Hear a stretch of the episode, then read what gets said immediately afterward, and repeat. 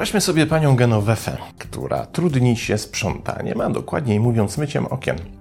Mimo tego, że jak moglibyśmy powiedzieć ma już swoje lata, pani Genowefa jest na bieżąco z wszelkimi nowinkami technicznymi. Nie ma dnia, żeby nie sprawdzała w internetach, czy nie pojawiła się jakaś nowa technologia, środki czy techniki ułatwiające jej pracę. Jeśli zaś takie znajduje, to oczywiście musi je mieć. No dobra, bez owijania bawełnę, pani Genovefa jest po prostu gadżeciarą i dobrze jej z tym. Pewnego dnia dostaje zlecenie na umycie okien w willi pani dyrektorowej, gdzie znajduje się ich kilkanaście i to całkiem sporych. Nasza bohaterka przyjeżdża więc na miejsce bitwy i na oczach zadziwionej dyrektorowej wyciąga z wysłużonego fiacika swoje nowoczesne utensylia, szczotki, gumki, wichajstry i inne elektryczne cudeńka, po czym bierze się za mycie okien. Okazuje się, że jej gadżeciarskie zamiłowanie rzeczywiście w jej profesji się opłaca, bo już po dwóch godzinach wszystkie okna lśnią i błyszczą, a w dyrektorowym domostwie od razu zrobiło się jaśniej. Przychodzi więc czas rozliczeń za wykonaną pracę, a tu niespodzianka. Pani dyrektorowa uznaje, że nie zapłaci pani Genowefie ustalonej wcześniej stawki, bo jej zdaniem mycie okien powinno zająć cały dzień, a nie dwie godziny.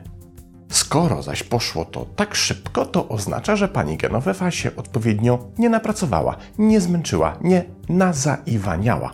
Co z tego, że okna czyste, jak nie było odpowiedniej ilości potu, krwi i przeszkód po drodze, żeby zasłużyć na uzgodnione wcześniej pieniądze. Oto połowa kwoty i wora ze dwora. Przykład numer dwa. Oto jesteśmy na budowie i śledzimy dwóch delikwentów przenoszących cegły. Z jednej kupy na drugą i nikt oczywiście oprócz majstra nie ma pojęcia po co. Cegieł tymczasem jest cała góra, więc żeby je przetransportować 100 metrów dalej, trzeba się nabiegać staczką tam i z powrotem. I na tym właśnie polega praca dwóch zawodników, których niniejszym podglądamy. Pierwszy to Zbychu, chłop jak dąb, z mięśniami jak arbuzy, który ze swoją taczką idzie jak taran, wyrywa ziemię spod kółka, miażdży trawnik i nawet błotne kałuże mu nie straszne. Tnieje na wskroś wzniecając bryzgi błota. Drugi to Zenek, taki raczej wypłosz wenusoid. Przy Zbychu wygląda jak kukiełka, ale zamiast mięśni ma tak zwany spryt i pomyślunek. Przez kałuże i trawniki poukładał sobie stare deski, a do roboty wziął swoją zmyślną taczkę z zamontowanym akumulatorem i silnikiem z elektrycznego roweru. Co powoduje, że do taszczenia cegieł zużywa dużo mniej siły niż mogłoby się wydawać, zaś jego taczka z cegłami popyla przez wieś z szybkością Ferrari. I w ten oto sposób cegły zmieniają w ciągu dniówki swoje strategiczne położenie, przy czym Zenek ze swoją kosmiczną taczką przewiózł ich o 20% więcej niż rosły zbych. Na koniec majster wypłaca uczciwie zarobione pieniądze, po czym woła do małżonki, żeby przyniosła pieczonych kartofli, bo Zbychu się tak namordował, że należy się jeszcze micha dla superbohatera. Na to Zenek mówi, że też mu burczy w brzuchu i też by się ziemniakami napasł, na co majster odpowiada: Ty? Przecież ty się nawet chłopie nie spocił. Na ziemniory to trzeba sobie zasłużyć. Tym razem obydwu powyższych przykładów nie zmyśliłem, a jedynie je lekko podkolorowałem. W obydwu wypadkach mieliśmy do czynienia z pewnym niezwykle niebezpiecznym konceptem, z którego często nie zdajemy sobie sprawy i w którym dokonuje się oceny wartości ludzkiej aktywności nie poprzez efekt, który ta aktywność przynosi, ale wyłącznie poprzez poziom wysiłku, który w tę aktywność został włożony. A to oznacza, że często cenimy nie to, czy określona praca została dobrze wykonana, ale jej efektowi nadajemy wartość dopiero wówczas, kiedy jego osiągnięcie związane jest z widoczną, eksponowaną trudnością i przeszkodami po drodze. I najczęściej na ten konstrukt nie zwracamy uwagi, a jest naprawdę powszechny, co widać chociażby w naszym języku. Zwróciliście uwagę, że na początku przykładu o pani Genowefie w pierwszym zdaniu użyłem frazy trudni się sprzątaniem? Przecież ten zwrot właśnie przesuwa ciężar wartości wykonywanego zajęcia z jego efektu na wysiłek, który mu towarzyszy. Ilekroć mówimy o kimś, że czymś się trudni, tylekroć pod spodem przemycany jest komunikat mający zaświadczyć o trudzie czyli wysiłku, który z tym zajęciem ma być związany. I ten rodzaj myślenia wcale nie jest przypisany wyłącznie do starszego pokolenia, którego reprezentantami w przykładach są majster z dyrektorową, ale występuje w naszym postrzeganiu ludzkiej aktywności daleko szerzej. Dlaczego jest taki niebezpieczny?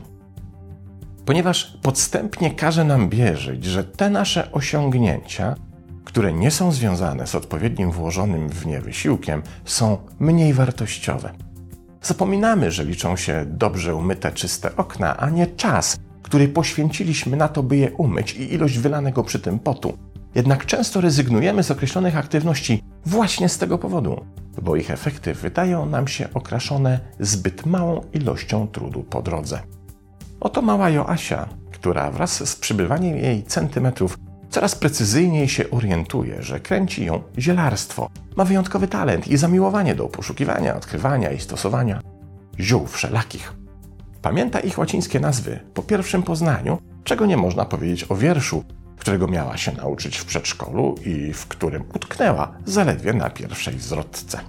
Tymczasem w ziołach i ich kombinacjach ma wręcz fotograficzną pamięć. Jednak po rozmowie z rodzicami decyduje się na studiowanie farmacji, gdzie będzie musiała wkuć na blachę na przykład chemię, której wzorów nijak nie potrafi zapamiętać.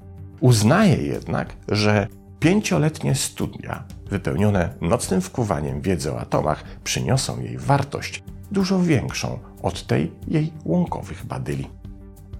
Teraz, kiedy jest już dużą Joanną, ten sam wzorzec myślenia przenosi na resztę życiowej aktywności. Kiedy poznaje fajnego, miłego chłopaka Łukasza, wszystko zaczyna się im układać, normalnie jak w wymarzonej bajce. Joanna uznaje, że ten związek nie jest odpowiednio wartościowy, bo za dobrze i zbyt gładko idzie.